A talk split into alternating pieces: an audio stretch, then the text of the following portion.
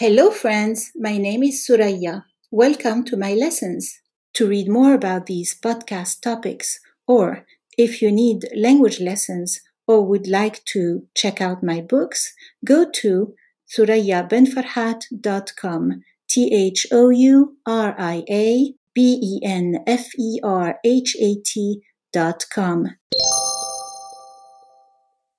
Arabic declensions, nouns and adjectives.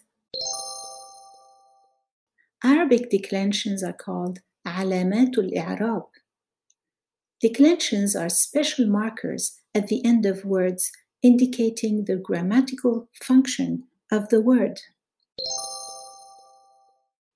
The three main noun and adjective declensions in Arabic are the nominative مرفوع, the accusative منصوب, and the genitive majroor. A declension can be a short vowel, a nunated short vowel, or a longer suffix containing consonants and vowels.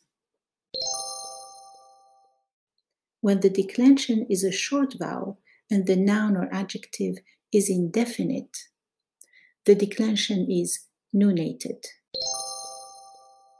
In upcoming podcasts, I will be explaining more about Arabic declensions with examples. Stay tuned. علامات الإعراب في اللغة العربية هي علامات في نهاية الكلمة تدل على وظيفة الكلمة في الجملة. ويعرب الاسم مرفوعا أو منصوبا أو مجرورا.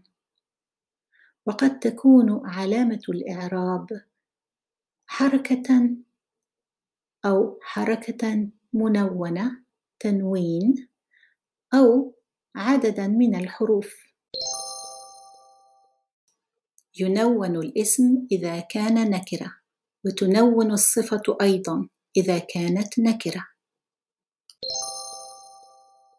في البودكاستات القادمة. سأشرح أكثر عن علامات الإعراب مع إعطاء بعض الأمثلة.